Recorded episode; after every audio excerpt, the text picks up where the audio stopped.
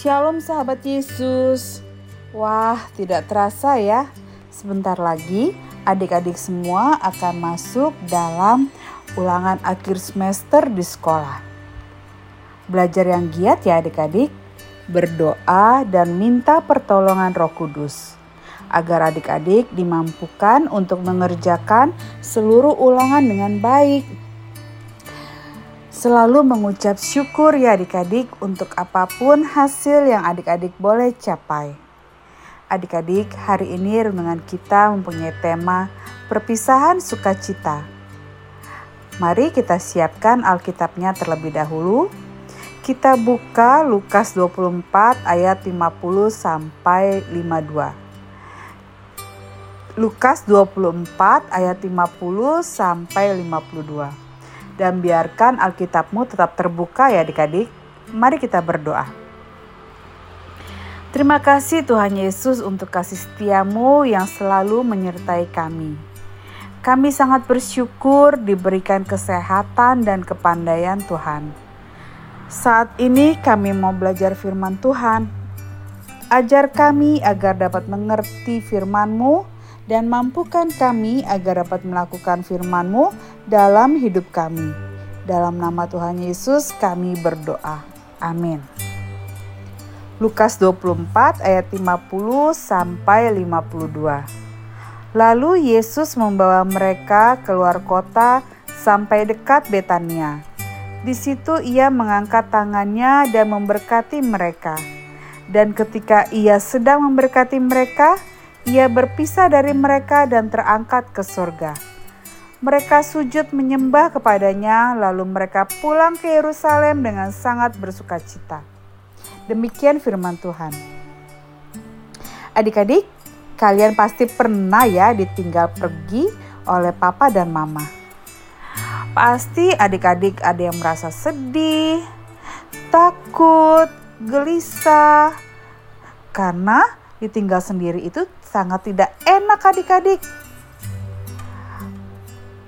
Tapi saat papa mama kembali ke rumah dan berkumpul dengan adik-adik kembali, wah adik-adik merasa sangat gembira dan bersuka cita lagi.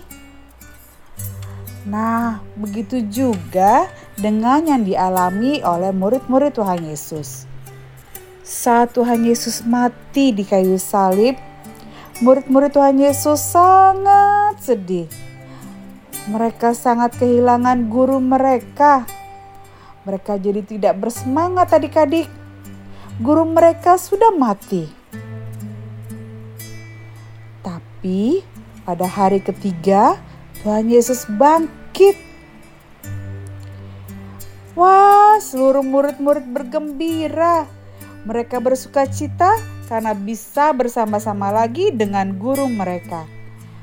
Ya, mereka bisa berkumpul kembali dan mendengarkan lagi pengajaran-pengajaran Tuhan Yesus. Namun adik-adik, Tuhan Yesus hanya bersama-sama dengan murid-murid selama 40 hari saja. Setelah 40 hari, Tuhan Yesus kembali ke surga, pulang ke rumah Bapaknya. Ya, murid-murid berpisah kembali dengan Tuhan Yesus. Lalu Tuhan Yesus mengajak murid-muridnya ke atas bukit Zaitun.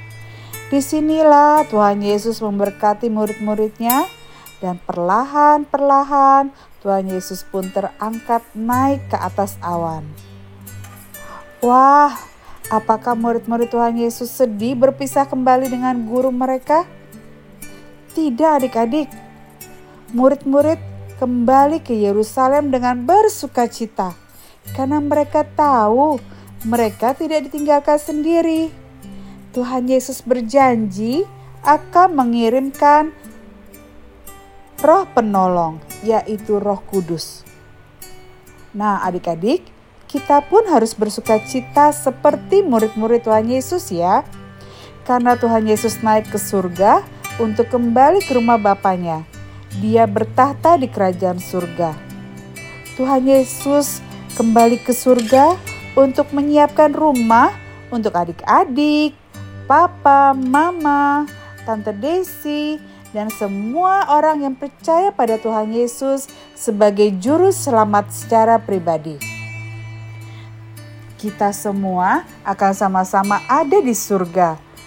Dan saat ini adik-adik, saat kita semua ini masih ada di dunia, kita jangan takut karena ada Roh Kudus dalam hati kita yang akan senantiasa menolong kita. Ayo adik-adik, kita mau ucapkan janji komitmen kita ya. Aku bersuka cita Tuhan Yesus kembali ke surga. Ayo kita ulangi sekali lagi dengan suara yang lebih keras. Aku bersuka cita Tuhan Yesus kembali ke surga. Mari kita berdoa. Bapa di surga, kami bersyukur Tuhan Yesus kembali ke surga. Tapi Tuhan Yesus memberi kami penolong yaitu Roh Kudus, untuk menemani dan mengajari kami selalu. Terima kasih ya Tuhan, dalam nama Tuhan Yesus. Amin.